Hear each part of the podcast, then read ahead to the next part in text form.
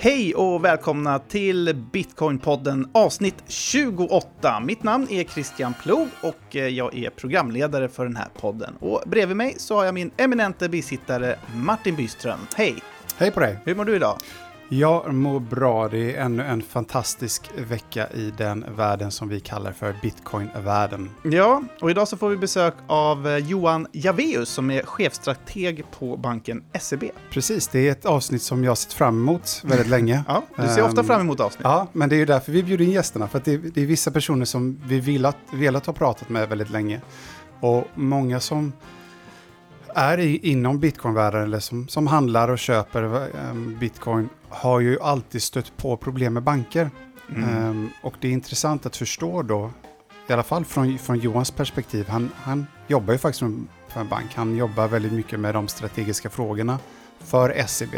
Och där finns det i allra högsta grad eh, frågor kring bitcoin och andra kryptovalutor. Mm. Så det är intressant att se hur han, hur han ser på det, för att han har varit ganska öppen, eller han kan väldigt mycket märk- verkar det som. Mm. Eh, han pratar ganska ofta om, om bitcoin, han blir ofta inbjuden till, jag tror det var ekonomiprogrammet Ja, Ekonomibyrån på SVT bland annat. så, ja. Så att han är väldigt kunnig, så han kan både bitcoin och han kan bank. Och det Ja, blir väldigt intressant. Och vi brukar ju fråga våra lyssnare ibland på sociala medier om de har några frågor och nu blev det nästan en rekord där. Det har kommit in över tio frågor, något sånt där, eh, till Johan. Så det är ju roligt. Han Mm, verkligen. engagerar. Så att om, glöm inte det, om ni har frågor så skicka gärna in dem antingen till oss direkt på Twitter eller via eh, Bitcoinpodden då som finns på Instagram. Och som vanligt så görs Bitcoinpodden i samarbete med Trio, som är Sveriges enda kryptobörs, där både du och jag jobbar Martin. Och det finns ju massor med roliga funktioner och tjänster då på Trios handelsplattform. Eh, men den här eh, veckan så tänkte vi nämna en som brukar gå under namnet Tipsning. Vad är det för någonting? Mm, precis, så att om man redan är kund hos Trio, om man tycker om tjänsten, om man har kanske vänner eller familjemedlemmar som man vill ska komma igång, så alla har en egen tipsningslänk. Mm. Och då kan man skicka den till sina vänner så de enkelt kan signa upp. Och som tack för det så får man 10 euro att eh, handla kryptovalutor för. Så att, eh, och det är många som använder den, men vi vill gärna att fler eh, testar den. Så att, eh, logga in idag, leta upp tipsningslänken och skicka den till vänner och familj. Ja, win-win. Dels får man pengar och dels så får man in en nära och kär till bitcoinvärlden, eller i bitcoinvärlden. Precis. Gå in på trio.se, tipsa din kompis, tjäna pengar redan idag. Nu kör vi igång veckans avsnitt.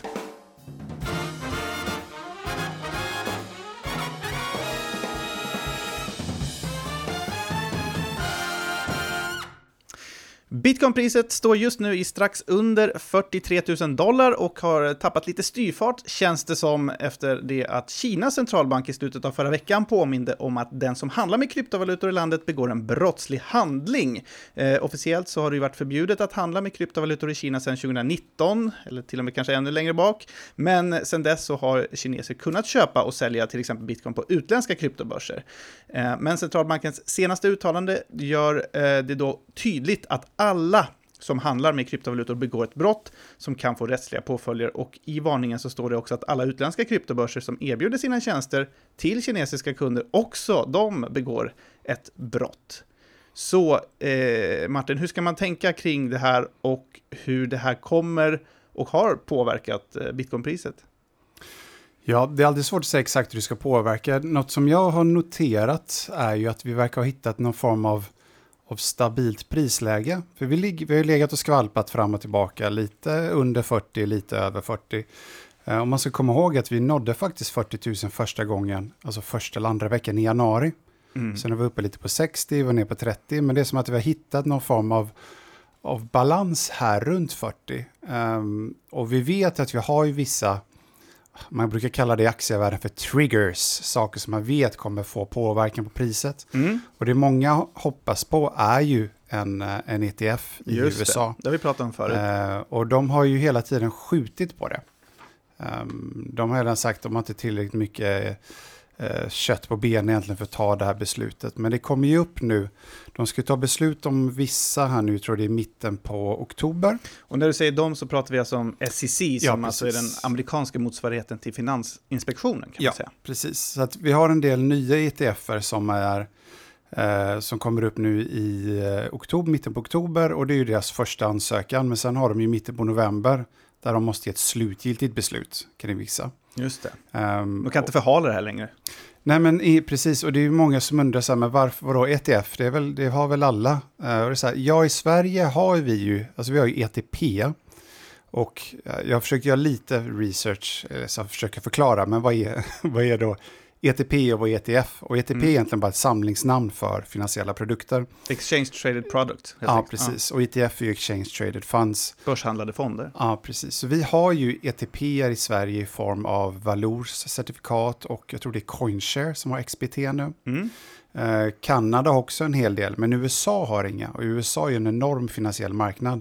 Så det är väldigt mycket kapital som kanske inte vill investera direkt i bitcoin eller som inte kan nå de här produkterna där du måste vara en, en akkrediterad investerare. Så att eh, många tror ju att en ETF kommer göra väldigt mycket för, att, för intresset och framförallt för att fler ska kunna investera i bitcoin. Mm, just det. Men eh, om vi ser då lite mer till bitcoinpriset som ju ändå har gått ner på sistone så är det ju enligt vissa då, ja men det är ju Kina som, eh, ja, som gick ut och förbjöd det ånyo, eh, som ligger bakom det, det, här skakiga som vi har sett här i kursen. Men enligt vissa analytiker så kommer mycket av det här säljtrycket då som man har sett i bitcoinkursen från nya investerare. Eh, då äldre bitcoinplånböcker inte har spenderat lika mycket bitcoin den senaste tiden. Eh, större spelare på marknaden verkar också ha köpt dippen, eh, något som ändå får anses vara positivt. Eh, utbudet av bitcoin som hålls av kryptoplånböcker, det är väl det menas med stora spelare, som har i storleksordningen kanske 1000 eller 10 000 bitcoin. De, eh, det utbudet har ökat med 60 000 bitcoin eh, den här månaden enligt eh, data från eh, blockkedjeanalysföretaget Glassnode. Mm. Så det är, ja, enligt, enligt eh, dessa analytiker så är det väl då snarare ny, mer nyinkomlingar som kanske har svårare att hålla i sina bitcoin när det skakar och börsen, eller kursen går ner. Ja, det som är lite annorlunda med att till exempel investera i bitcoin jämfört med till exempel aktier det, det finns en väldigt stor grupp inom bitcoin som är så hängivna som har lovat att aldrig sälja. Utan de, det här ska liksom följa med generationer och, och liksom, mm. det, det är nästan mm, det anses fel att spendera eller sälja sina bitcoin. Uh, och den ser man kanske inte lika mycket uh, liksom i aktiemarknaden. Det är klart vissa gifter sig liksom med sina aktier. Vi hade ju Fingerprint-maffia och vi har Evolution mm. Gaming-maffian, sådana som ska hålla det för alltid. Ja. Men, uh, men med bitcoin är det inte så och det är därför man ser att de här som har varit med länge, de säljer inte utan de bara fortsätter att fylla på. Och de som är nykomlingar kanske inte oftast vet vad de köper, Um, man köper för att priset går upp lite och sen plötsligt kraschar det och då bara oj, oj, volatilt och så säljer man ut sig. Mm. Vi hade ju verkligen från slutet av juli Eh, till början på september så gick det ju upp nästan 60 procent tror jag mm. i och med det här ett eh, El Salvador. Och det var säkert många som köpte där uppe när det började gå upp mot över 50 000 dollar ja, just det. För folk tenderar att köpa när priset ja, rusar. Ja, och vi ser ju det i allra högsta grad. Vi sitter ju mycket på sån data på, på Trio, på börsen. Mm. Att vi kan ju verkligen se hur handelsvolymen är korrelerad med um, vad ska man säga, prisrörelserna i bitcoin. Mm. Eh, man har faktiskt också sett att eh, bitcoins korrelation med guld har minskat. Eh, och eh, trots att ja, bitcoin har ju många liknande egenskaper med just guld, så anses den i alla fall av vissa fortfarande vara en så kallad risk-on-tillgång. Eh, eh, som nu då under den här börsoron som också varit korrelerar ganska starkt då med aktiemarknaden.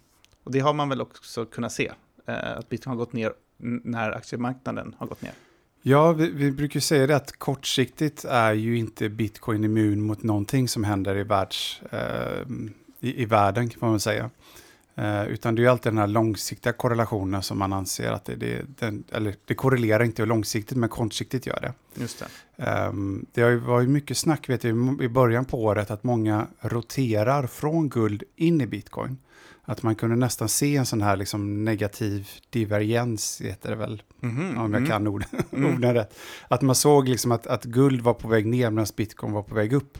Och man sa då att många som investerare som satt på guld kanske började diversifiera sig lite, att man sålde av lite av sitt guld och la det istället i bitcoin istället. Just det. Och det här som du pratade om tidigare med, med nya investerare som kanske har svårare att hålla i bitcoin när kursen går ner. Det, man pratar om uh, weak hands och diamond hands och mm. så vidare. Det finns ju även i aktievärlden. Mm. Vad har du Christian? Jag har uh, diamond hands. Ja, bra. Vad har du själv? Ja, nej men jag får väl... Jag har ju aldrig sålt en bitcoin i hela mitt liv, så att jag, jag skulle nog säga att jag är en diamond hand fortfarande. Ja, ja men det, det är väl bra långsiktigt. Man ska inte in och peta för mycket. Det är väl en sån generell investeringsstrategi Nej. som många brukar lyfta Nej, Time in the market, not timing the market. Vi kan väl nämna något positivt i alla fall, för eh, historiskt sett så har bitcoinpriset gjort de största rörelserna uppåt under perioden oktober-december. Ja. Det är i alla fall kul att höra om. Mm. Men eh, vi kan gå vidare. Eh, en del fokus ligger just nu också på USAs skuldtak. Det har rapporterats en del om det. Och då är det där vissa bedömare befarar en faktiskt möjlig finansiell kris om USA inte kan betala sin skuld. Och bakgrunden är att taket för den amerikanska skuldsättningen måste höjas genom ett politiskt beslut där det då krävs att även ledamöter från eh, oppositionspartiet Republikanerna röstar ja i senaten. Men det verkar eh, som att de inte eh, verkar vara så sugna på det här, helt enkelt. Och enligt flera ledamöter i USAs centralbank Federal Reserve så kan en utebliven höjning av det här skuldtaket få stora konsekvenser för ekonomin och marknaden. USAs finansminister Janet Yellen har till och med varnat för att landet kan kastas in i en recession. Eh, och om ingen finansiering finns på plats eh, snart så kommer USA tvingas skära ner eh, offentliga utgifter ganska kraftigt. viktiga samhällsfunktioner kommer att behöva stängas då, faktiskt redan under fredagen när det här avsnittet släpps. Mm. och det kan ju såklart skada ekonomin och så. Det är, inte första gången, jag tycker det händer nästan varje år, att de måste höja den här debts ceiling och att jag tycker bara den kommer närmare närmre. Det är lite ja. som den där man, man har väl liknande inom, um, inom klimatpolitiken, att man säger att nu har vi förbrukat alla resurser för det här året. Resten av året lever vi egentligen bara på lånad tid. Just det. Mindre. Ja. Um, ja, det var ju snack typ 2018 eller något sånt där var senaste gången med eh, Trump, eh, president Trump. Mm, och... och då stängde de ner tror jag, nationalparker och, och ja. flera alltså, offentligt anställda gick utan löner och liknande. Um, och det, är så här, det, det, här kommer ju inte försvinna. Utan en, en, stat som USA har ju två sätt att finansiera sig på mer eller mindre. Det ena är ju att eh, taxera invånare och företag och det andra är ju att låna med framtida skatteintäkter som säkerhet. Mm. Eh, så det de gör är egentligen att de säger att ja, men våra skatt, skatteindrivningar räcker inte.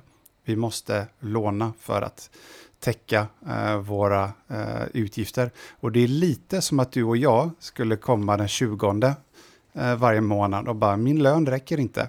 Jag går och tar ett sms-lån. Det, det, det, är i princip det, det, är ett, ett, ett, ett sms-lån för nationer. Det är det de håller på med egentligen. Ja. Ja, det låter ju som att du tycker att det är lite oroväckande att ja, USA då, som ju ändå ligger bakom den här mäktiga världsvalutan dollarn, mm Eh, är så pass skuldsatta att de men det är därför de kan göra det också. Mm. Alltså det, det, är inte, det är inte alla länder som hade kunnat göra det på samma sätt som USA, eftersom de har reservvalutan, eh, amerikanska dollarn är reservvalutan för världen. Så i hela världen, kort dollar, alla behöver alltid dollar. Mm. Så det finns alltid folk som är villiga att köpa de här obligationerna som, um, mm. som ja, Treasury heter de här, Treasury som, som ställer ut de här. Så det finns alltid ett, ett, ett eh, en, en aptit för de här. Så ja. de kan alltid printa nya pengar och i princip exportera det här till, till andra länder. De har en särställning där. Mm. Man, man brukar skoja om att USAs största export är dollar. Är det så? Mm. ja, det tankevärt. Mm. Tänkvärt ska jag säga. Eh, vi ska gå vidare och prata lite också om Tesla-grundaren Elon Musk som nyligen kom ut som en motståndare till regleringar av kryptomarknaden. Det var i måndags som Musk intervjuades på scenen av New York Times-kolumnisten Kara Swisher under den årliga Code Conference eh, i Beverly Hills. Och under intervjun så fick Tesla-grundaren frågan huruvida den amerikanska regeringen borde reglera kryptomarknaden. Och han sa då så här. Jag skulle säga, gör ingenting. Jag tror inte att det är möjligt att förstöra alla kryptovalutor, men det är möjligt för världens regeringar att bromsa framsteg. Hur orolig är du för att regleringar ska påverka bitcoin negativt? Det, det är ju svårt för att alla länder har ju olika regleringar. Alltså om du tittar på USA, de försöker ju kväva det, vilket med största sannolikhet inte kommer att gå. Och vi ser um, USA, de, om vi tar um, ett annat exempel, att där kan man ju bestämma det på statlig nivå. Så du ser vissa stater som Texas eller Wyoming Mm. som är väldigt positiva. Många politiker som offentligt går ut och försöker accelerera eh, bitcoin in, inom deras stat och kanske till och med eh, locka dit bitcoinföretag. Så att eh, jag, jag är inte speciellt orolig. Jag tror regleringar kommer komma, men det är ju alltid så här att bitcoin rör sig snabbare än vad nationer kan stifta lagar. Ehm, så att eh, inom EU nu kommer ju MIKA-förordningen. Mm. Den är ju lite mer mot stablecoins än vad det är mot bitcoin. Mm. Men den har ju hållit på i, i några år. Det, alltså det kommer ta så lång tid. Och förhopp, min förhoppning är att det finns mer och mer människor som äger bitcoin så att det blir ett motstånd från folket. Lite som Uber har gjort. De går in i en stad och så skiter de blankt i vad, vad liksom reglerna säger i den stad, staden. Mm. Och så till slut så blir det att befolkningen i den staden vill så gärna ha Uber, så politikerna kan inte stifta lagar som är emot Uber. Och det är lite det jag menar tror kommer hända med bitcoin, att det kommer sprida sig så pass mycket i samhället att man kommer inte våga stifta lagar som är negativa till slut. För att då kommer inte du bli omvald nästa period. Om man inte heter Kina. Ja men, ja, men det är ju en diktatur. Eh, Det är ju inte, nu pratar vi demokratiska Ja, länder. det är okej. Mm. Mm. Ja, men så kan det mycket väl vara. Mm. Eh, och som sagt, eh, Bitcoin har inte, Bitcoinkursen har inte gått ner till noll bara för att Kina har förbjudit Bitcoin. Och skulle väl säkert inte göra det heller om USA Nej. gjorde det. Snarare tvärtom, om ni tittar, vi tar fem sex år tillbaka, om en sån här nyhet hade kommit för bitcoin så hade det rasat 50%. Nu så här, ja, 2-3%. Alltså de, Mm. bitcoinpriset bryr sig inte om Kina längre. Marknaden bryr sig inte om Kina, man har redan prisat in att de är borta. Mm. Bitcoin blir lite mer motståndskraftig kan man säga, ju längre tiden går. Verkligen.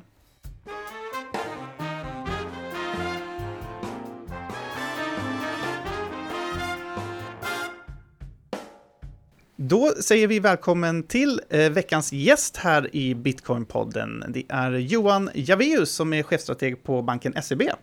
Tack så mycket. Hur står, det, här. hur står det till?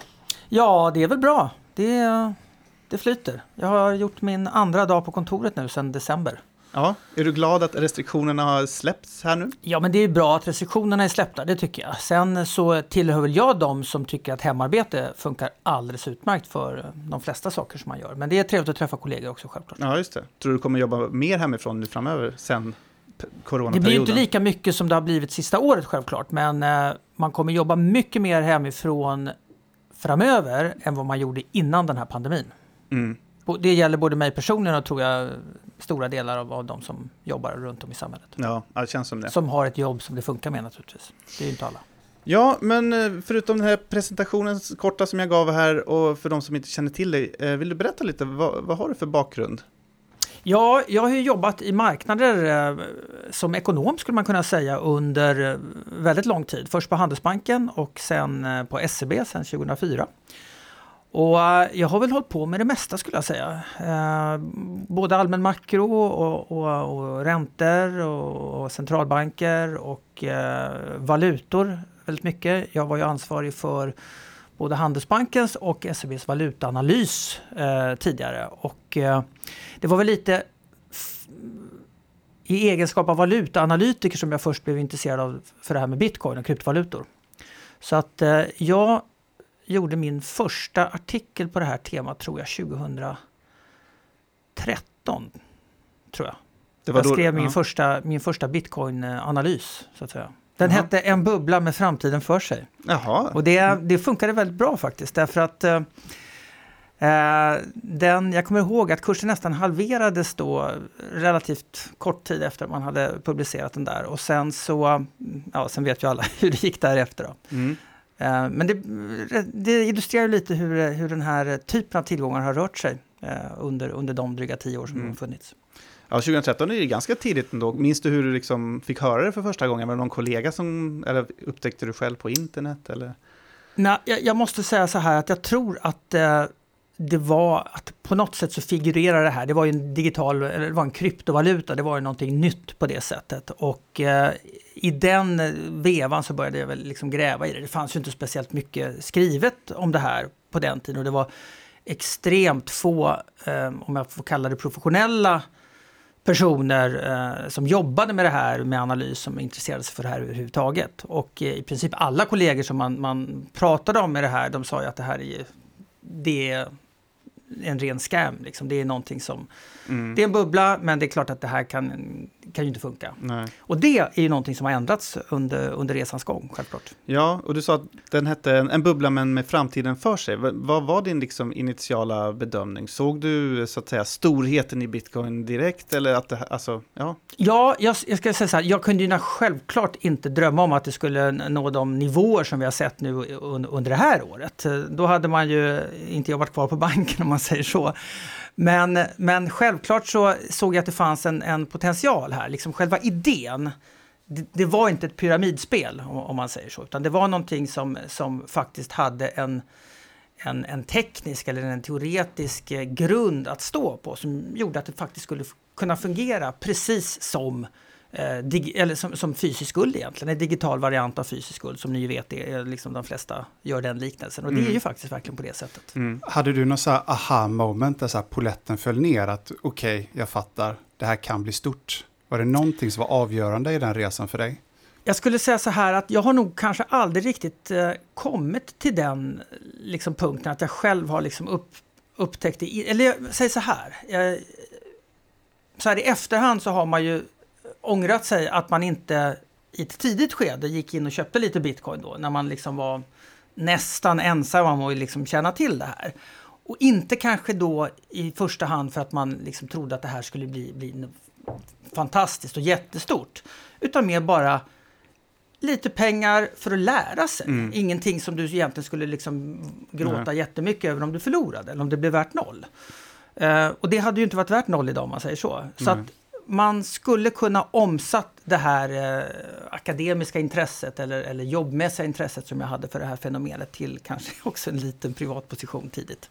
Mm. Det, det kan man ju så här i efterhand ångra. Men å mm. andra sidan, det, eh, det är som många säger också att eh, eh de som kanske ägde 10 000 bitcoins 2012, liksom när det nästan inte var värt någonting, de hade ju inte haft dem kvar idag ändå. Utan man har hunnit både köpa och sälja rätt många gånger under den resan. Ja, precis. Jo, men det håller jag med om. Och jag brukar faktiskt säga det, det bästa sättet att lära sig, förutom att läsa på såklart, det är ju att ge sig in och börja hands-on, köpa lite grann och se ja. hur det faktiskt funkar. Precis. Det är liksom, mm. det är inte... Och göra sin första bitcoin-transaktion framförallt. Inte, inte bara att köpa, för då blir det som att köpa en aktie, men att faktiskt skicka till sin egna plånbok eller skicka till en mm. kompis som man bara, okej. Okay, det här funkar det, faktiskt. Det här var ganska coolt faktiskt. Ja. Ja. Nej, men så det är väl lite min, min, eh, min bakgrund och anledningen till att jag har intresserat mig för det här. Ja, eh, och sen så, det var starten och sen dess så har det allting bara vuxit och, och sådär. Eh, och du, det senaste året åtminstone så har ju du figurerat en hel del i medierna och pratat om just bitcoin och kryptovalutor i Ekonomibyrån på SVT bland annat var mm. du med och, och i massa andra sammanhang också. Um, du har fått lite den rollen nu på eh, SEB. Eh, ansiktet ja, utåt för kryptofrågor. Ja, alltså jag kan ju vara, vara, vara tydlig med det att SEB har ju ingen, ingen strategi för kryptovalutor eller vi erbjuder inga produkter i kryptovalutor och huruvida det finns planer på att göra det i framtiden det är inte jag rätt person att svara på. Då. Men, men eh, däremot så finns det ett jättestort intresse bland eh, kunder både från början kanske mest eh, privatpersoner men, men vart efter åren har gått också mer, mer och mer från institutioner eller mer professionella investerare. Och i den bemärkelsen så har ju vi eh, som bank eller som, som motpart till de här kunderna när det gäller finansiell rådgivning och så vidare. Kunna, ja, vi har ju en skyldighet att också hålla oss lite ajour med vad som händer och eh, ha en åsikt kring det här. Och det är väl lite den rollen som jag har tagit på mig fri, frivilligt. Mm. Sen gör ju jag eh, det är bara en liten del av mitt arbete som läggs på kryptovalutor och bitcoin. Då. Men, men eh, det är inte så många som, som har intresserat sig för det här ännu i Sverige faktiskt. Eh, när det gäller, om, om jag då beskriver mig själv som en, en, en professionell analytiker. Mm. Då. Ja, okay. men, men vad säger du till en, till en kund då, privat eller institutionell, som kommer till dig och hej, jag är sugen på bitcoin, kan ni hjälpa mig med det? Ja, vi kan ju naturligtvis inte hjälpa med, med att göra någon transaktion om kunden har kommit så långt. Uh, för som jag sa, vi, vi erbjuder inga produkter. Jag tror inte någon annan svensk bank gör det heller idag. Nej. Men däremot om det kommer en kund och, och, frågar jag vill veta mer om det här. Kan du hjälpa mig på den resan? Ja, det kan vi bistå med. Mm. Och det är lite så jag, så jag ser min roll. Ja, men kan du peka dem i någon riktning? Om så här, vet du något ställe man kan handla? Eller alltså, gör ni sådana rekommendationer? Ja, alltså, jag gör ingen rekommendation eh, om var någonstans man ska handla. Men det är klart att eh, det behöver man ju inte eh, göra någon större research för att inse att det finns en massa både svenska handelsplatser och eh, även internationella handelsplatser som, som kan hjälpa, hjälpa en på den vägen. Om man har kommit så långt i sin, i sin process att man känner att det här är någonting jag vill investera i eller mm. testa i alla fall. Vi har ju um, Arkin Crypto som är ett, ett svenskt noterat bolag. Um, en av deras bolag som de äger är ju Pure Digital som hjälper banker att trada bitcoin sinsemellan. Mm. Och det bör man se framförallt amerikanska banker som börjar gå mot det hållet. Men du ser inte att vi är där i Sverige än? Nej, det är vi ju bevisligen inte i och med att mig vetligen så har ingen bank lanserat någon, någon, eh, någon plan på att börja med, med kryptovalutahandel. Eh, mm. Eh, faktiskt. Eh, jag, jag, tror ju så här att eh, banker kommer nog inte liksom ligga i framkant när det gäller att erbjuda den typen av produkter. Eh, utan det finns ju fortfarande en del, en del problem med kryptovalutor och inte minst med bitcoin då när det gäller sådana saker som AML, alltså penningtvätt och, och även det här KYS-frågor, Know Your Client och så vidare. Som, som jag tror man har en bit kvar att, att, att jobba på innan det här är någonting som banker generellt sett kommer känna sig bekväma med att, att börja erbjuda. Och, och mm. hur lång tid det tar, eh, jättesvårt att säga. Jag tror att första gången som det här, som man kände att det var på väg att eh, verkligen eh, kunna komma igenom den här, det här, komma över det här hindret, det var ju då 2000 2017. Mm. Det var ju, skulle jag säga, den första riktiga bitcoin eller kryptovaluta-hypen. Då, då det gick från att vara någonting som vissa kände till och andra kanske bara hörde hört om. Till att när du gick och satte dig och åt middag på en restaurang så pratades det om bitcoin vid bordet bredvid. Va? Det, var, det var verkligen genombrottet. Mm. Och det tror jag också gjorde att många, i och med att kundintresset ökade, så blev det också ett intresse från branschen att börja erbjuda möjligheter för investeringar i den här typen av tillgångar. Det är på något sätt så det funkar, att först finns en efterfrågan på att vi vill kunna investera i det här, vad det nu må vara. Och då uppfinner branschen instrument och möjligheter för att kunna göra det. Mm. Och då trodde man väl kanske, trodde jag i alla fall, att vi var rätt så nära det här genombrottet. Det skulle liksom inte kanske bli så att banker började erbjuda bitcoinkonto, men att du ändå skulle kunna få investeringsbara produkter. Lite bredare än vad som finns eh, idag och vad som fanns då. Eh, men sen så kom ju kraschen och, och då, liksom, då dog hela den här momentumet skulle man kunna säga. Mm. Och sen så har, som ni ju vet, banker har ju haft en del, en del problem under senare också med, med just de här frågorna som, som kryptovalutor ändå skulle jag säga fortfarande är en rätt så stor risk kring då med, med AML och, och KYS-frågor och sådana saker. Eh, och det har väl kanske också gjort att banker inte känner att det här är någonting som vi vill hoppa på eh, innan vi är helt säkra på att det, det har löst de här problemen. Men är det inte viktigt även för banker att förnya sig eh, i någon mån? I synnerhet om det finns ett tryck från kunder som är intresserade. Jo, men jag skulle säga så här, det är absolut viktigt.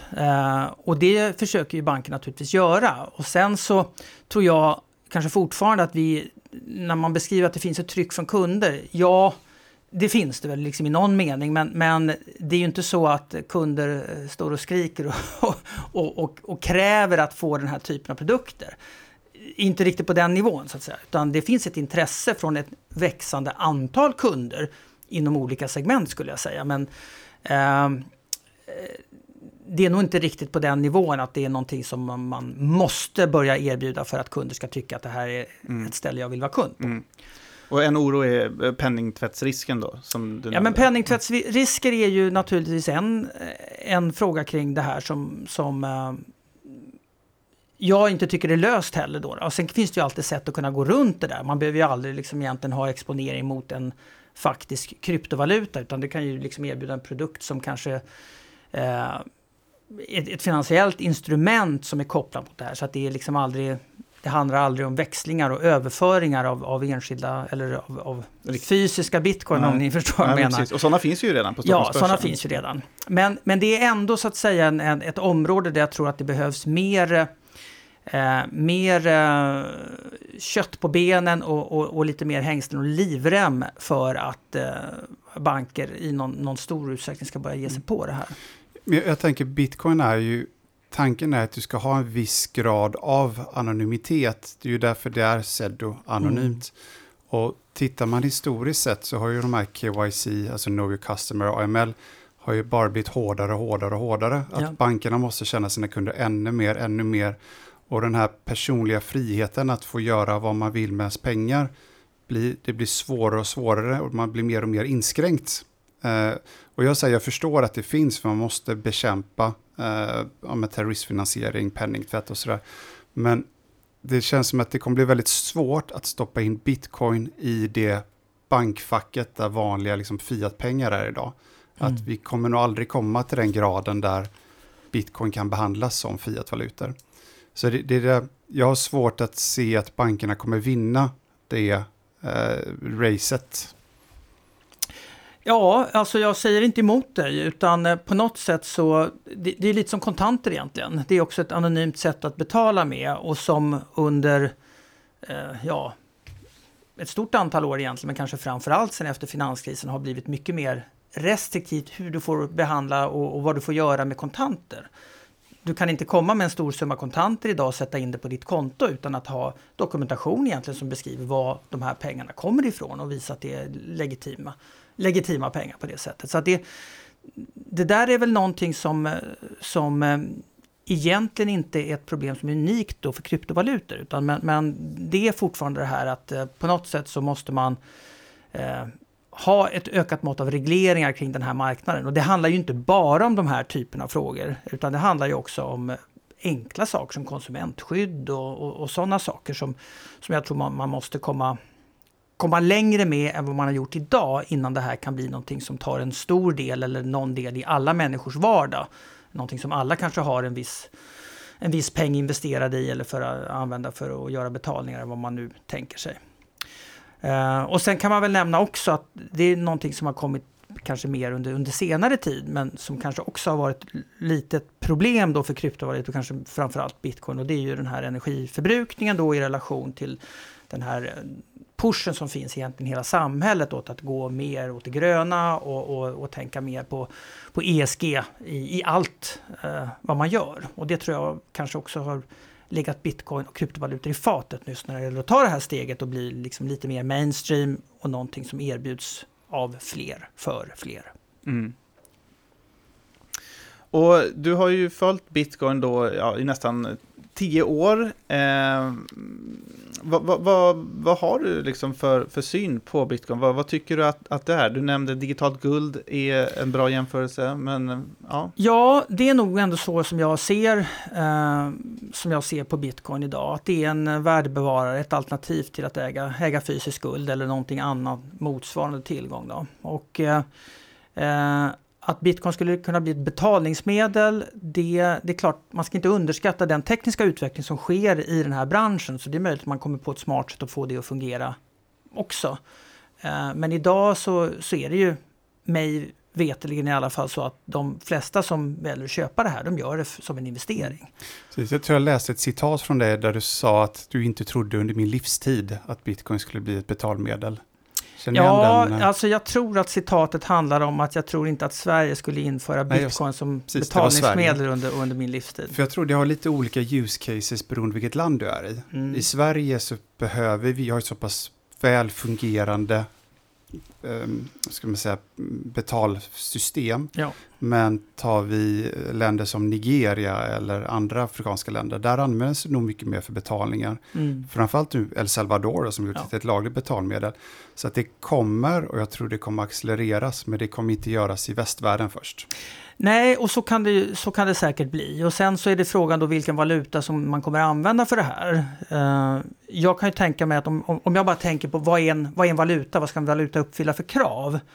Så den ska vara sällsynt, ja det är, det är bitcoin. Den ska vara svår att förfalska, ja det är bitcoin. Det ska finnas ett, en, en, begränsad mängd, ja det uppfyller det också. Men det uppfyller ju inte det här kravet att vara stabil och vara värdebevarare. Eh, jag tror ingen skulle känna sig bekväm egentligen med att skriva något sorts kontrakt på att man ska köpa en lägenhet och betala om ett halvår och så kommer man överens idag om ett pris i bitcoin.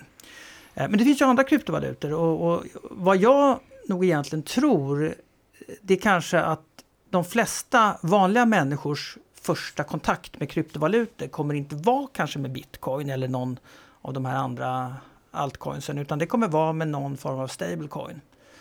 Om det sen är en privat valuta, eh, Tether eller, eller om det är eh, Facebooks nya DM eller, eller om det blir istället en centralbanksvariant av det här. Det låter vara osagt, men, men eh, som betalningsmedel så är ju den här stabiliteten någonting som är väldigt viktig. Mm. Eh, och, och, därför tror jag nog fortfarande att, åtminstone i, i, i, mina ögon just nu, så ser det väl bitcoin ut att kanske bli mer då den här, den här investeringstillgången. Eh, som det, den har blivit, eller som den är framförallt idag. Det, det, är intressant att du nämner stablecoin, för vi pratade egentligen bara om, om eh, banker skulle börja tillåta bitcoin liknande. Men stablecoin då? För att det är ju tekniskt sett, om vi tar dollar, det är dollar utanför banksystemet. Mm. Vilket, ja, men Ja, jag tror många tycker om dem. Om vi pratar om, om, vi pratar om eh, privata alternativ eller oberoende alternativ, som, ja, men ta den här uh, Tether till exempel. Mm. Den har ju mig veteligen eh, samma problem när det gäller krisfrågor och, och eh, penningtvättsfrågor som, eh, som eh, vilken annan kryptovaluta som helst. Eh, så att det är ju egentligen inte, inte lösningen just på de problemen i alla fall. Även om det är kanske bättre för betalnings, betalningstransaktioner för konsumenter och företag. Men, men om man då skulle använda det som ett betalmedel, så menar, då kommer man egentligen gå, eller förbigå bankerna när man använder det? Eller, för det kommer inte användas inom banksystemet. Alltså idag, idag kan man väl säga att eh, bank, alltså det är många som, som tänker sig så här att anledningen till att banker är emot kryptovalutor det är för att eh, de ser att de inte längre ska kunna få sköta de här betalningarna.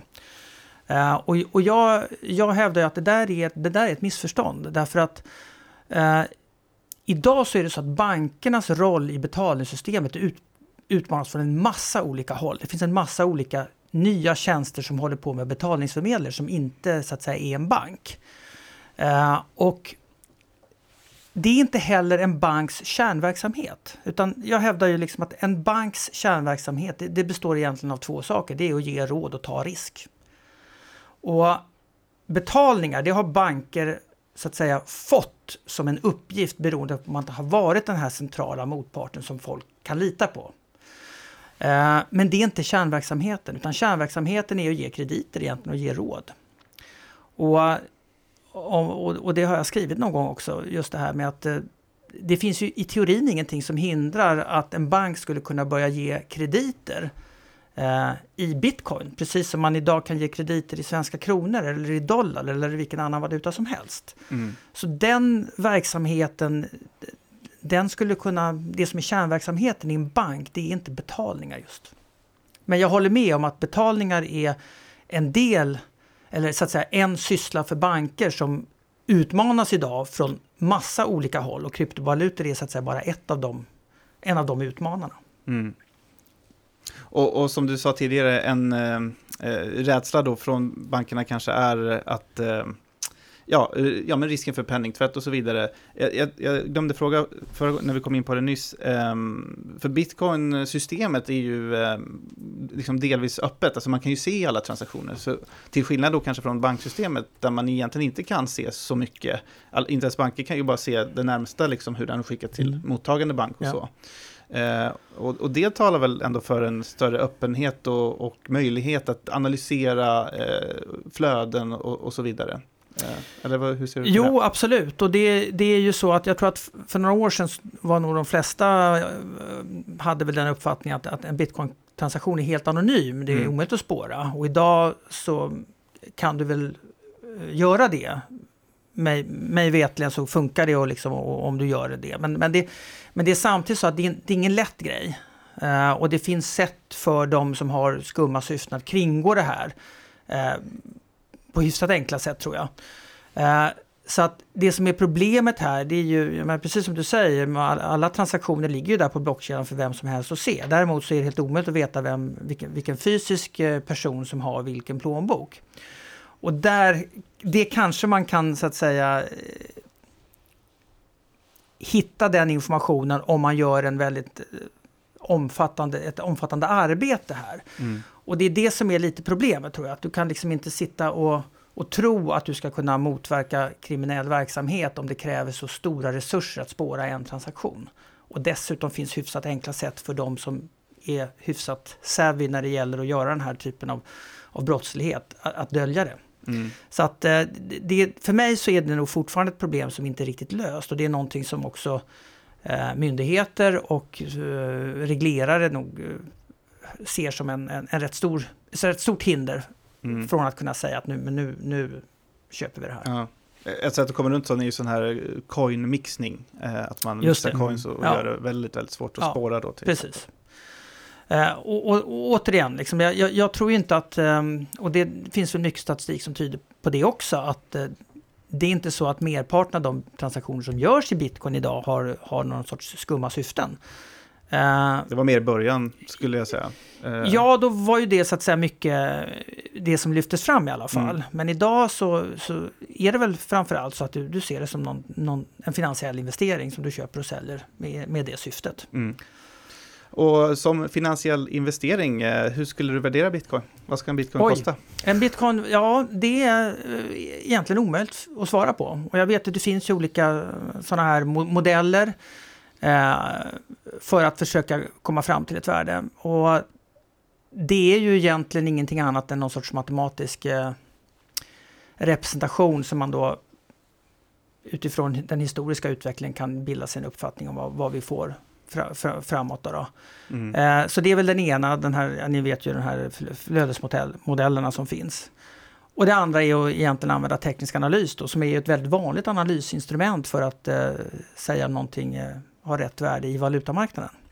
Men problemet är ju att eh, precis som guld så finns det inget fundamentalt att koppla det här till. Det finns ju ingen avkastning i, eh, i bitcoin precis som du inte får någon avkastning på guld heller annat än prisrörelsen då.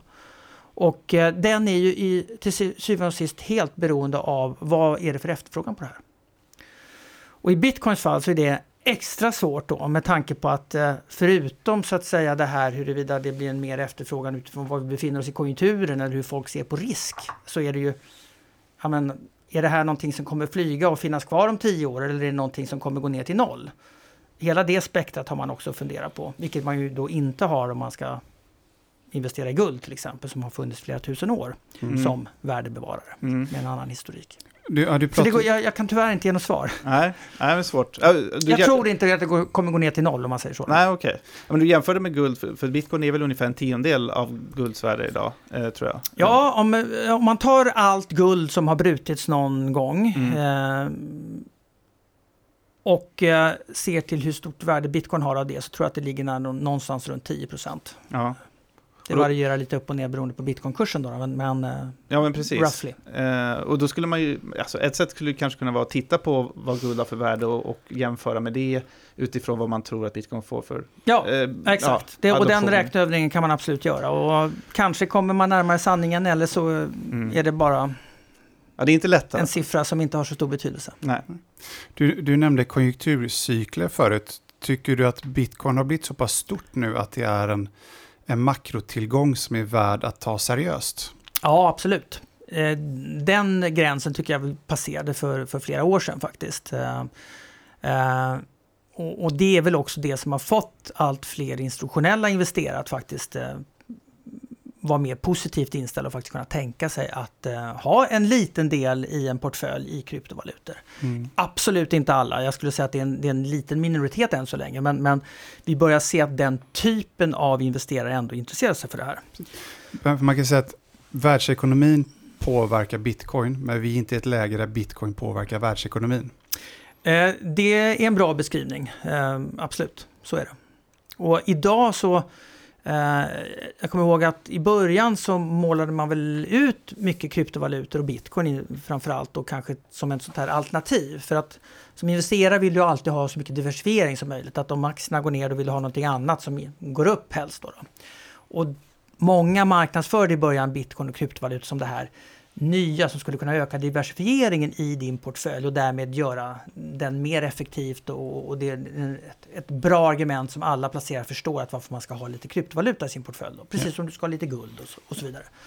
Eh, och det finns det väl idag tycker jag lite, eh, lite anledning att ut, utmana precis som det ser ut nu i alla fall. Därför att Bitcoin rör sig ju väldigt mycket upp och ner med den allmänna nivån på riskaptiten. Går börsen ner, ja då går oftast bitcoin ner också och tvärtom. Mm. Så att eh, bitcoin har blivit eh, en, en risky asset bland flera. Mm. Ja. ja. kortsiktigt i alla fall. Vi pratade ja, faktiskt precis. lite om det under Som det ser ut just nu. Ja. Mm. mm. precis, för om man tänker sig, ja, bitcoin fick väl ett pris 2011 tror jag. Det var då. Mm. Och börsen har ju egentligen bara nästan gått upp hela tiden. Så allting har ju varit någorlunda korrelerat för att allting har ju gått uppåt. Um, men det känns som att bitcoin kanske har någon form av, av inte hävstång, men det går upp så tio gånger mer än börsen. Ja, men det är tiden. absolut en hävstång skulle jag säga. Mm. Det är en av de mer riskiga assets du kan äga och det tror jag att de flesta skriver mm. under på idag. Då, då. Hur, hur, ser du på, eh, för vi pratar just om diversifiering, mm. och det finns ju en viss skola som säger att du kan inte diversifiera inom kryptovalutor, utan det räcker att äga bitcoin.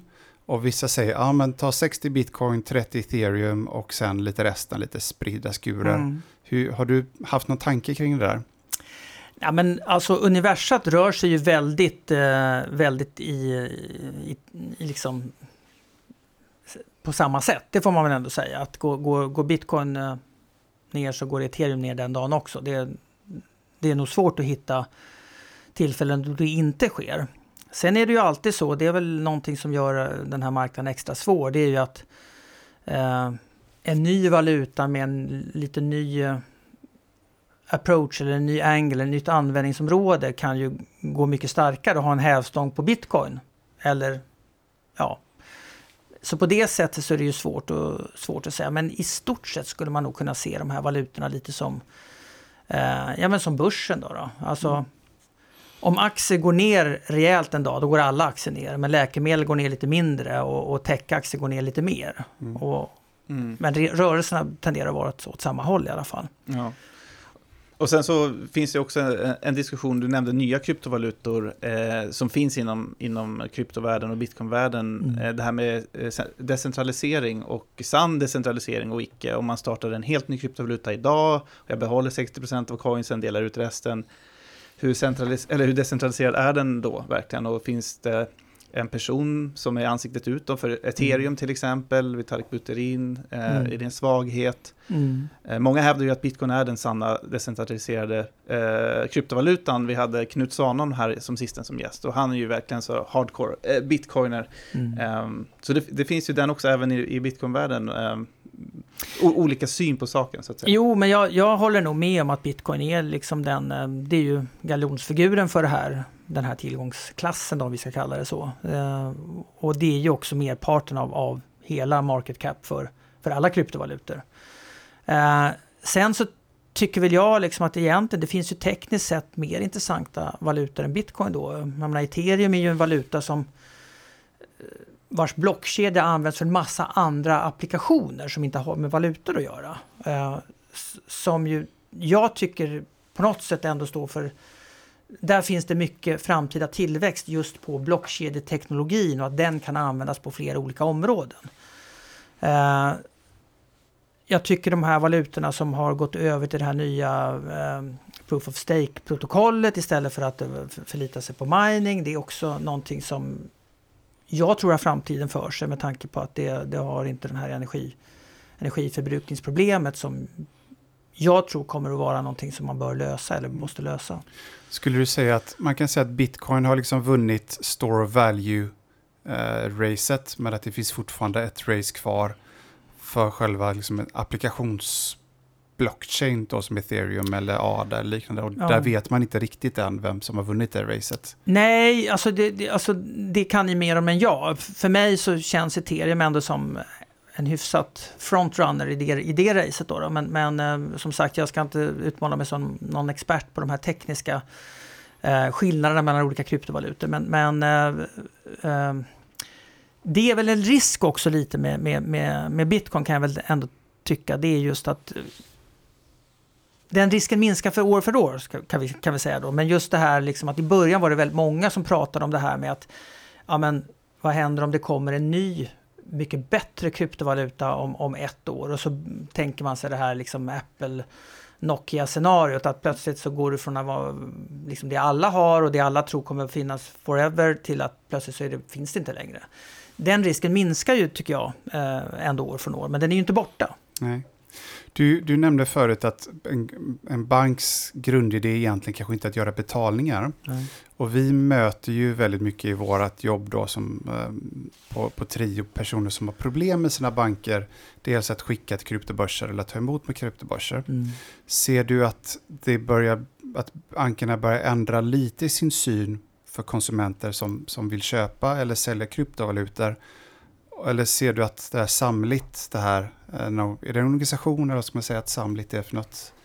Det är den här, ni har ju gått ihop alla banker. Det är ett nordiskt samarbete som, som startades förra året mellan svenska banker och eh, polisen med målet att bekämpa penningtvätt. Ja, eh, Om det har påverkat kanske er syn ännu mer på kryptovalutor? Ja, alltså det, jag är helt fel person att svara på den frågan och jag känner inte till exakt vad som görs i Nej. just när det gäller den typen av problem. Men, men det är ju ingen hemlighet att den här typen av risker kopplade till kryptovalutor och handel med kryptovalutor är någonting som, har, som är ett rätt så stort problem eh, för banker om man nu ska tänka sig att framöver liksom bli mer aktiva på det här området. Mm.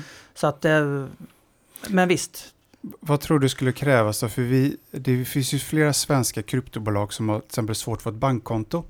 Så att de, kan inte, de har svårt att verka i Sverige. De måste ha ett bankkonto utomlands för att bedriva en svensk verksamhet.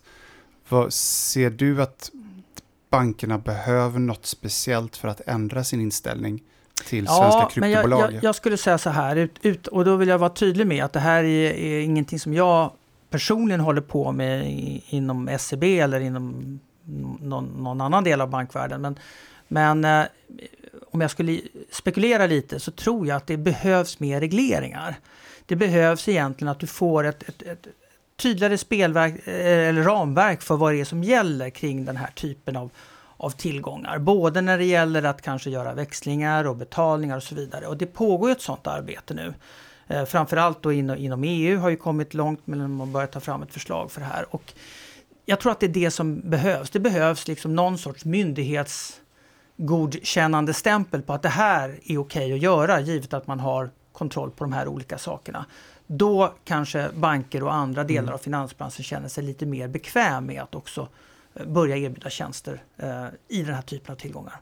Mm. Men jag har svårt att se att någon bank skulle tycka att det finns ett stort, en stor uppsidecase att, att gå före här och liksom vi chansar lite och så hoppas vi att det löser sig att det inte liksom eh, kommer, kommer tillbaka och biter oss i svansen. Men, men så, så, jag tror att det behövs någon sorts officiellt mm. ramverk för hur det här ska kunna fungera innan etablerade spelare som banker väljer att hoppa på. Mm. Och du tror det kommer från EU-håll snarare än kanske direkt från, från riksdagen eller regeringen? Ja, jag tror att eh, den här, och det är ju som Christine Lagarde på, på ECB också har varit inne på, att det här, det skulle, det skulle vara väldigt jobbigt om vi fick en lagstiftning som såg ut på olika sätt i alla olika EU-länder. Utan det här är någonting som behöver samordnas på EU-nivå.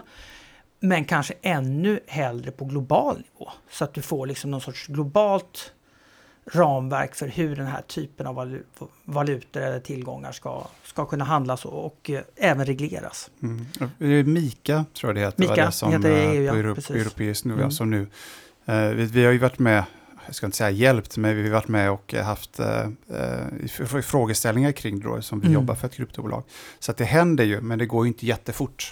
Tyvärr. Nej, och jag tror att om, om, man ska vara lite cynisk här så, så är det ju också så att eh, jag, tror, jag tror till exempel att bitcoin, om vi nu tar det som representant för, för det som de flesta tänker för, på, på kryptovalutor, det är inte det som är den stora huvudverken för centralbanker och eh, myndigheter runt om i världen, utan det är de här stablecoinsen. Eh, bitcoin är det få som tror kommer bli något riktigt alternativ eller något konkurrent till en nationell valuta som betalningsmedel. Men däremot stablecoins och kanske framförallt om du får ett, ett, stort företag som Facebook eller en grupp kring Facebook som erbjuder det här till miljarder användare över en natt. Då är det lätt att se hur det här bara liksom tar över. Och så börjar vi skicka pengar, inte med Swish längre, utan vi skickar med, liksom via våra, våra Facebook-konton och så vidare. Så att det är nog mer hotet, tror jag, för myndigheter och, och stater runt om i världen. Och eh, i den bemärkelsen kanske man kan säga då att eh, alternativet till det här, det är ju de egna centralbanksvalutorna eller digitala varianter av, av, av, av eh, vanliga, vanliga valutor. Eh, och de finns ju inte här idag. Men alla centralbanker nästan jobbar ju på att försöka ta fram det här. Kina har kommit väldigt långt och, och eh, testkör ju redan det här i mindre omfattning i vissa delar av, av sin ekonomi. Mm. Och uh, på något sätt man kan spekulera i och tänka lite att ja, men det kanske är så att om de, man behöver inte skynda på de här regleringarna alldeles för mycket innan man har hunnit liksom utveckla sina egna alternativ och kunna erbjuda dem som en konkurrent till de här privata alternativen. Då. Vi kan väl säga att Anna Kinberg Batra håller ju på med en utredning för hur, hur betalningar i Sverige ska se ut framöver. Ja. Uh, och än en gång, vi har också varit där och pratat med henne och mm. gett lite input då kring hur de ska tänka just kring bitcoin och kryptovalutor. Mm. Så det, det händer ju saker men som man kanske inte hör så mycket om. Mm. Um, du nämnde centralbanker. Uh, jag vet inte om du har hört uh, Stefan Ingves prata om bitcoin och att han jämför det med frimärken. Ja, frimärken och medaljer är hans uh, två ja, favorit. Vi, vi är väl lite, vi tycker ju att det är ganska tråkigt att en person som har så pass makt i Sverige pratar så negativt om någonting som så många ungdomar tycker är väldigt spännande och som framtiden. Har du, ja, har du någon åsikt om vad han säger om det här eller förstår du att han försöker hålla tillbaka lite utvecklingen? Ja, alltså jag tror ju, jag tror egentligen inte att Stefan Ingves vill hålla tillbaka utvecklingen. Jag tror att han genuint ser det här som en, en, en risk. Eh, ur olika synpunkter. Eh, och eh, det är ju trots allt en väldigt erfaren person när det gäller att hantera olika typer av kriser, ofta kriser som har uppstått med, med någon sorts spekulation i grunden. Så att jag, jag, kan absolut förstå honom och han är verkligen inte ensam heller i centralbanksvärlden och har den här väldigt restriktiva eller negativa synen på kryptovalutor. Sen håller inte jag med om det, eh, utan jag tycker att den här eh, typen av tillgångar är någonting som antagligen ligger eh, i tiden och någonting som allt fler kommer att få någon sorts exponering mot i framtiden. Sen håller jag lite öppet för huruvida det blir, blir en privat kryptovaluta som bitcoin eller om det blir en annan typ av eh, mer officiell valuta eller ett stablecoin av någon, någon, mm. någon sort. Då, Men, men eh, Eh, jag tror inte det här fenomenet kommer att försvinna. Och jag tycker att eh, eh, det är någonting mer än frimärken och medaljer. Mm, ja, för det finns ju en, ska man säga, en mild skepticism inom bitcoinvärlden mot centralbanker och centralbankspolitik. Så det blir ju nästan polariserande kan man säga när han gör de sorters uttalande. Att, eh, ja, det känns som att han hade kunnat göra det bättre och i alla fall försöka visa att han är han tycker att det är intressant när man får se utvecklingen, men han är mm. väldigt så här konsekvent i att ja, det är som frimärken. Ja, Privata nej, ju, pengar har ja, aldrig fungerat. Nej, nej, precis. Och det är ju det, i, i någon mening så har han ju rätt i det. Uh, sen kan jag tycka att privata pengar, uh, det, det finns en, en lång följd av exempel genom historien på hur banker har gett ut privata pengar och det har slutat i att pengarna har blivit värdelösa. Men det är ju samtidigt inte riktigt, eh, det är lite att jämföra äpplen och päron därför att Bitcoin är ju som, en, det är som guld. Mm. Och guld är ingen centralbank som bestämmer över. Och det har fungerat som betalningsmedel och valuta under tusentals år. Och värdebevarare. Och värdebevarare dessutom. Inte den bästa värdebevararen faktiskt, men, men eh, ändå. Mm. För bitcoin är ju inte privata pengar. Det finns Nej. ju ett företag bakom. Nej, det, är, det är ju egentligen bara Folkligt öppen, skapade det är pengar. öppen källkod. Det är bara ren ja. matematik. Ja, it. exakt. Det är precis. Och det, det, det är lite det som jag tycker då också är grunden för varför man ska jämföra det här med, med eh, med guld, fysiskt guld. Mm. Uh, och det, det, är inte en fordran på en, på en motpart som det är med fiatpengar.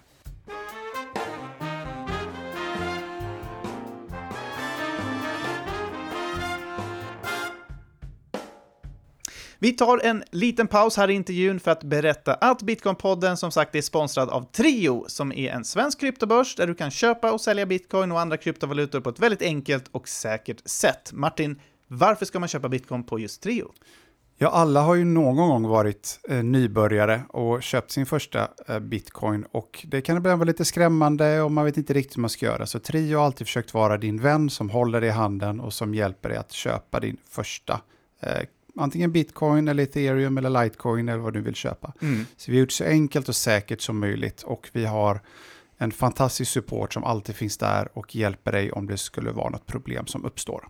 Skulle du säga att Trio är extra lämpat för nybörjare? Ja, det är ju det vi har försökt vända oss mot framförallt. Vi vill ju att svenskar ska känna sig bekväma och enkelt kunna handla. Och det är det som hela plattformen är, upp, är uppbyggd kring. Så gå in på trio.se och regga dig idag. Det tar bara någon minut att komma igång där. Tack Trio!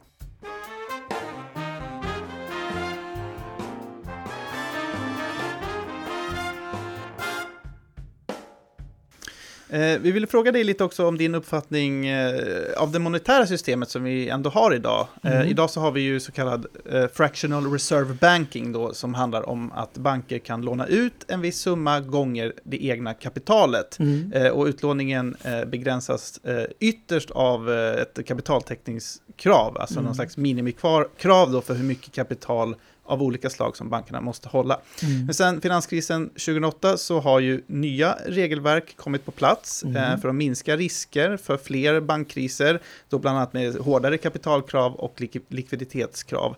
Eh, och ett alternativ till fractional reserve banking är så kallad full reserve banking, som är lite mm. tvärtom då kanske man kan säga.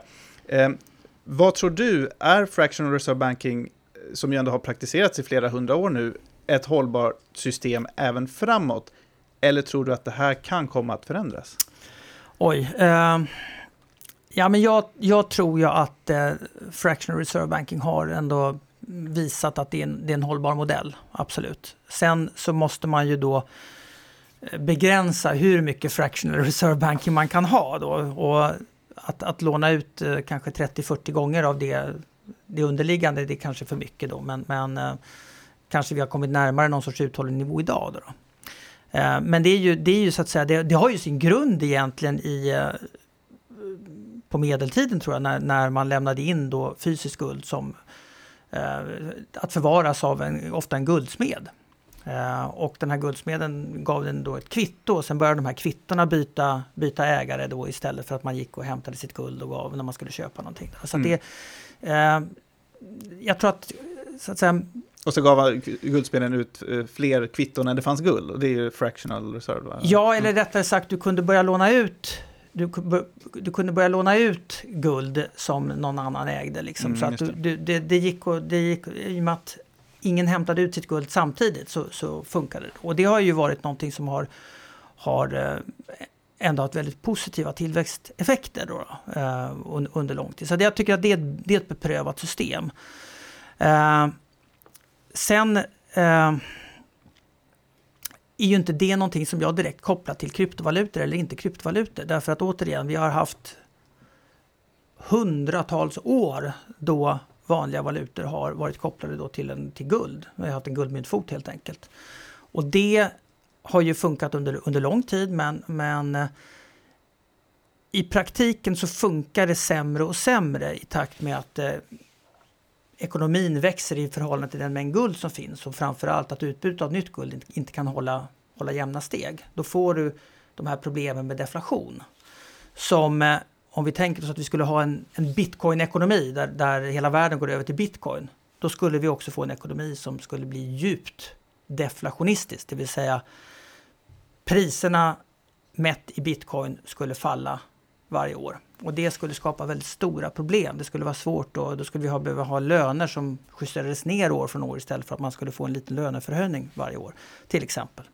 Så att det, det, är en, det är en massa problem som man skulle kunna tänka sig i förlängningen om vi nu skulle dra det här till sin spets. Men var det ett problem innan banker började med fractional reserve? För att vi har ju varit på en guldstandard i alla, i alla tider. Det är ju egentligen de senaste hundra åren kanske som vi började på riktigt med fractional reserve banking. Ja, men alltså jag, jag vill problem. nog egentligen, eh, utan att bli för teknisk, jag tror inte man ska koppla ihop det med liksom själva, själva guldet, utan fractional reserve banking det funkade redan på medeltiden, trots att man då hade det var guld som var pengar så att säga. Mm. Utan det handlar om hur banker skapar pengar. Mm. Eh.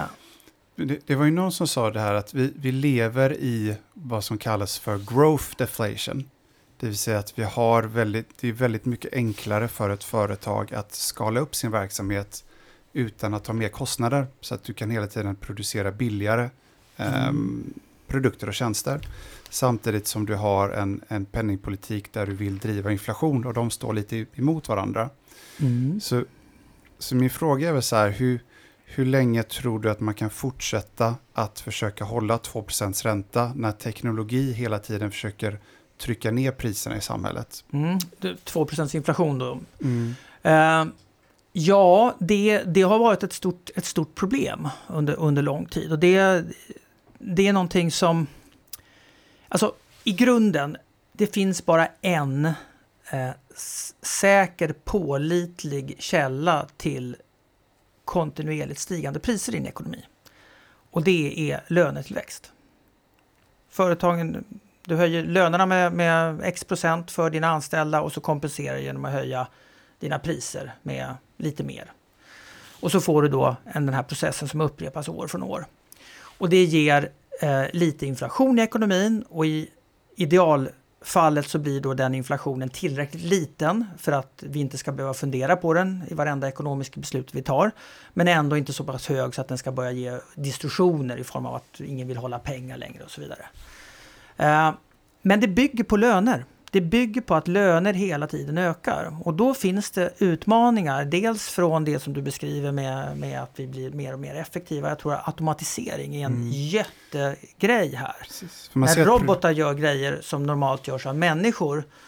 Vare sig vi pratar om självkörande taxibilar eller, eller någon, någon som plockar ihop en iPhone i Kina. Va? Det, det är svårt att få lönetillväxt under mm. de förutsättningarna. Och det, det, här kan ju vara en tillfällighet, men man har ju sett att när USA gick från guldstandarden 1971 så frikopplades produktiviteten och lönetillväxten. Så produktiviteten fortsatte upp, men lönetillväxten gick liksom inte upp lika snabbt. Så det har blivit som en divergens däremellan, de var ganska tätt ihop innan. Och om det nu finns en korrelation till att man nu inte är på en guldstandard eller inte, men det är ganska, ganska intressant att just där började hända. Ja, alltså det ska jag inte... Eh, jag har inte riktigt det, den historien klar för mig i huvudet just nu. Men, men man kan ju säga att vi hade ju under 70-talet ett, ett, ett, stort inflationsproblem i hela västvärlden. Mm. Eh, av en massa olika skäl. Och uh, att, att, man lämnade guldstandarden 1971 var väl en, en, inflationsimpuls och sen dessutom hade vi då de här oljekriserna som, som kom slag i slag där. Som också drev upp inflation mycket. Och det här Eh, det här skapade ju naturligtvis ett inflationsproblem som är, var jobbigt för centralbanker att komma till rätta med. Och det krävde liksom en rätt så besk medicin under ett lång, en lång följd av år för att få ner de här inflationsförväntningarna igen. Och eh, det, om du frågar en centralbankir om, om, om det här så kommer de känna sig väldigt stolta för att det, det är vad de tycker att de har verkligen bidragit med till lägga grunden då för en mycket mer stabil ekonomisk utveckling framöver. Ehm, eh, sen är det naturligtvis så att det, det är ju inte eh, det är inte helt lätt att se hur vi skulle få, kunna få motsvarande problem idag.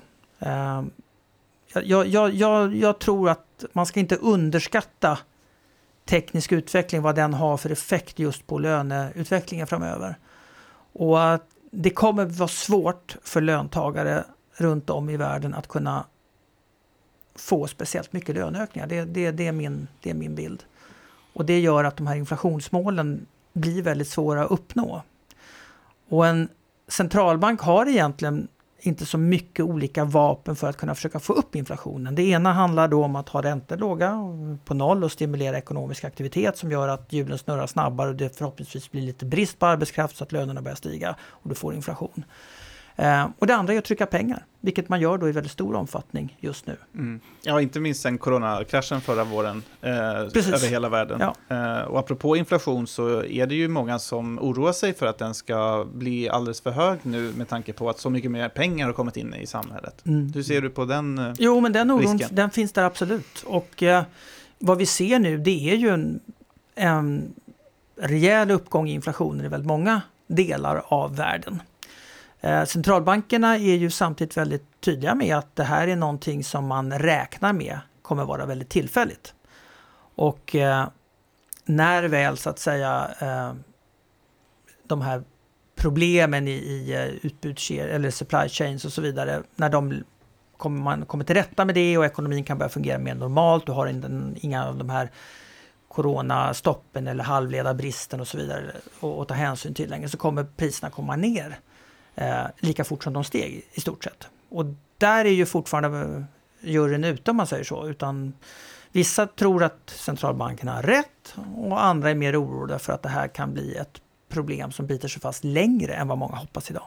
Och det är ju i sin tur då, för att komma tillbaka just till kryptovalutor, någonting som eh, många ser som ett skäl att investera i den här typen av tillgångar som eh, inte påverkas av ett urholkat penningvärde. Nej, precis. Och du när du sa priserna komma ner, då menar du ja, priser på varor och sånt i ja, samhället? Prisökningarna, ja. prisökningstakten kommer ner. Men även, eh, vi har vi sett en viss tillgångsinflation också, där börsen har gått upp och så vidare. Finns det en risk att den går ner också? Eh, ja, abso ab eh, absolut. Det, men det är kanske inte kopplat just till inflationsutvecklingen. Eh, jag skulle säga att idag så är inflation på varor och tjänster någonting negativt även för, eh, för börser om vi säger så. Därför att det leder till en ökad oro för att räntor ska stiga. Och låga räntor är det enskilt viktigaste skälet idag för att hålla börser och även andra tillgångsmarknader på, på gott humör. Mm. Vi, eh, har du någon aning om vad räntorna hade legat på om inte centralbanken hade varit inne och liksom försökt hålla nere dem? Nej. Det, tror du att det är extremt mycket? Alltså hade vi haft liksom en tioåringen på 5-6 procent då eller? Eh, hur nej, mycket trycker nej, de ner räntan? Det, det, det, det känns eh, väl... Nej, jag vågar inte ha någon uppfattning om det. Och det finns så många motverkande faktorer här. För du kan tänka dig så här att visst, centralbankerna bidrar till att hålla ner räntorna genom att köpa en massa obligationer. Köper man obligationer, ökad efterfrågan på obligationer är någonting som pressar ner priset på de här, eller, eller pressar ner räntorna och pressar upp priset på de här obligationerna. Eh, å andra sidan kan man säga att hade centralbankerna inte gjort någonting, då hade vi kanske haft en riktigt djup ekonomisk kris där räntorna blir låga av den anledningen för att det liksom finns ingen framtidstro i ekonomin och alla flyr till, till säkrare mm. tillgångar. Mm. Så att den sifferexercisen kanske någon som är smartare än jag kan ja. göra, men... Men, eh, men, men en kris eller en, ner, eller en liten sättning, kan inte det vara sunt? Allt kan väl inte gå upp hela tiden? Nej, liksom, absolut. Det, det är definitivt så.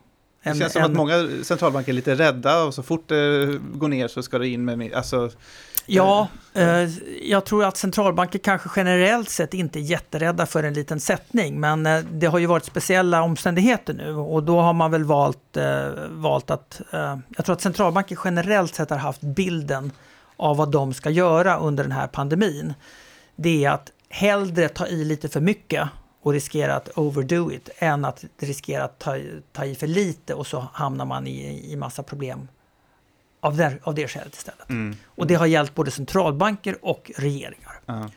För en, en vanlig diskussion i bitcoinvärlden är ju att eh, många, många där pekar på det här så kallade pengatryckandet och mm. att det skapar så stort, kan potentiellt skapa så stora problem. Och sen så jämför man det då, men kolla på bitcoin, det finns ju bara 21 miljoner, här går det inte att trycka nya. Eh, det är mer stabilt, det är mer liksom överblickbart och så vidare. Så mm. det är liksom en motsättning där som ofta ställs. ja, mm. absolut. Och den som är orolig för inflation och urholkat penningvärde och det finns ju de som tänker sig det här att det, det ska ge upphov till någon sorts hyperinflation som du såg i, i Tyskland på, på, på 30-talet. Det, det, det finns alla, mm. alla typer av oro så att säga. Men det är klart att är man orolig för det så är ju eh, bitcoin och kryptovalutor ett, ett eh, bra sätt att åtminstone skydda sig från den risken. Mm. Eh, sen hävdar jag nog ändå att de som är kanske oroliga för inflation, det är rätt så försiktiga människor och jag tror inte att det är samma människor som kanske hoppar på kryptovalutor som alternativ. Du, ser ing, du är inte rädd för att det ska spåra ur fullständigt med... Nej, jag är inte Nej, rädd nej. för någon hyperinflation, absolut inte. Utan där hoppas jag, och tror jag att eh, både, både regeringar och centralbanker kommer vara så pass eh, eh, på tårna att man inte råkar ut för den typen av problem. Sen är det ju så att i vissa länder där vi har haft den här typen av, av skenande inflation, till exempel i Turkiet och i Venezuela och på andra ställen, där har ju kryptovalutor verkligen fyllt en funktion. Och det har blivit dit folk har flytt och valt att ha sina besparingar istället för en nationell vanlig valuta som man ser inte fungerar längre. Mm. Eh, vad ser du att banker har för roll om, om tio år? Kommer de att sitta på kryptovalutor då?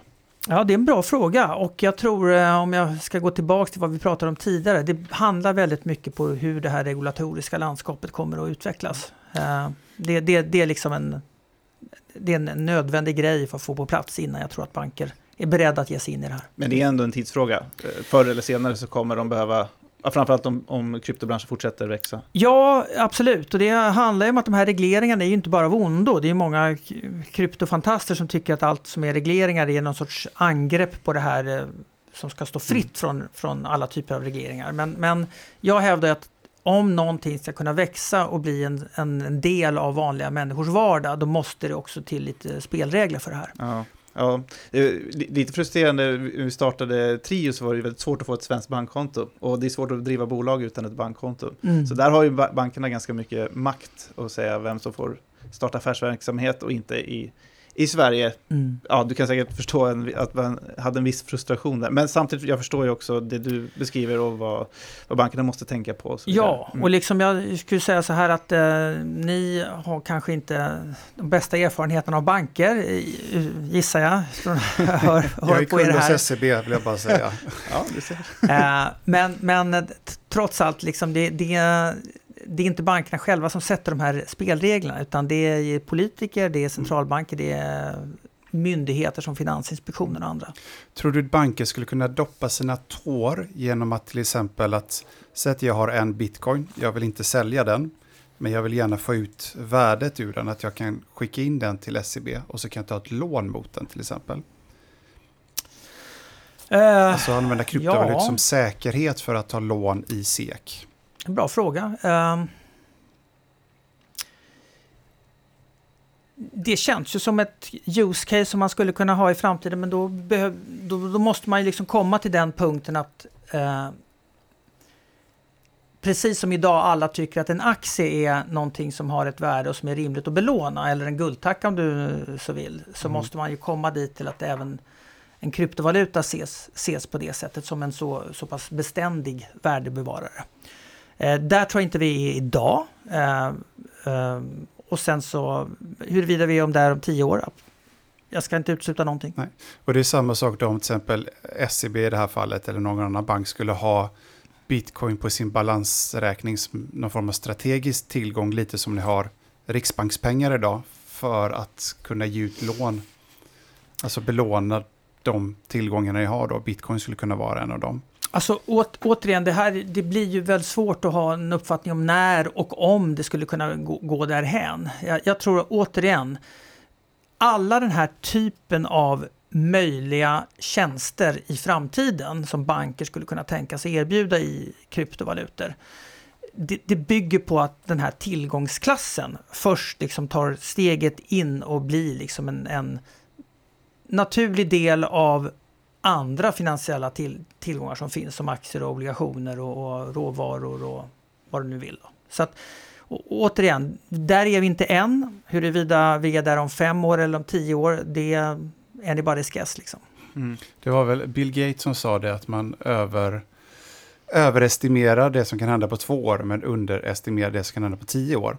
Ja, men så brukar det vara. Mm. Liksom. Mm. Många, många tror att bitcoin ska gå upp direkt i pris, men egentligen är den kurvan mer sådär, men över tid så går den upp. Ja, så Ja. Det, det kommer hända extremt mycket på tio år, men kanske inte så mycket på två år. Det är väl det som är kontentan. Mm. Vi har ju fått massa lyssnarfrågor, men vi har, jag tror att vi har fått med alla faktiskt. Ja, jag har försökt beta av dem lite. Vi, kan ta, vi tar en sista här, vi ska börja runda av här strax. Men uh, den är ganska kort. Men har du själv köpt bitcoin eller någon annan kryptovaluta någon gång?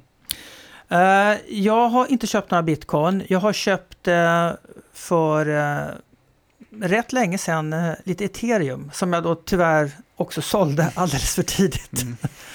men men ja, så kan det vara. Ja. Men det är du inte ensam om, att sälja Nej, för tidigt. Precis. Man, får vara, man, får vara, man får vara glad att man inte är själv i, i just den biten i alla fall. Så, så du är vad man kallar i bitcoin-communityt för en no-coiner? En no-coiner i dagsläget, ja, faktiskt. Mm. En no-coiner med koll, ändå får vi säga, på bitcoin. Ja, och kanske inte no-coiner för all framtid heller. Exakt. Men jättekul att du kom hit idag, eh, Johan Javeus, eh, som alltså är chefsdirektör på banken SEB. Tack så mycket. Och eh, vi avrundar väl där dagens avsnitt. Vem är gäst nästa vecka? Nästa vecka kommer Sergej Kotilar, jag hoppas jag sa det Just rätt, det. som uh, jobbar på Bitrefil som är ett uh, litet svenskt dålisbolag, men de jobbar ju med presentkort kopplat till uh, bitcoin. Ja, det går bra så, för dem. Ja, verkligen. Mm. Det går väldigt bra för dem. Så det ska bli jätteintressant att höra lite hans resa och bolagets resa nästa vecka. Mm. Missa inte det, vi är tillbaka alltså nästa fredag. Följ oss på Instagram, det heter vi Bitcoinpodden. Nu säger vi tack och hej för den här veckan. Hej då! Hej då!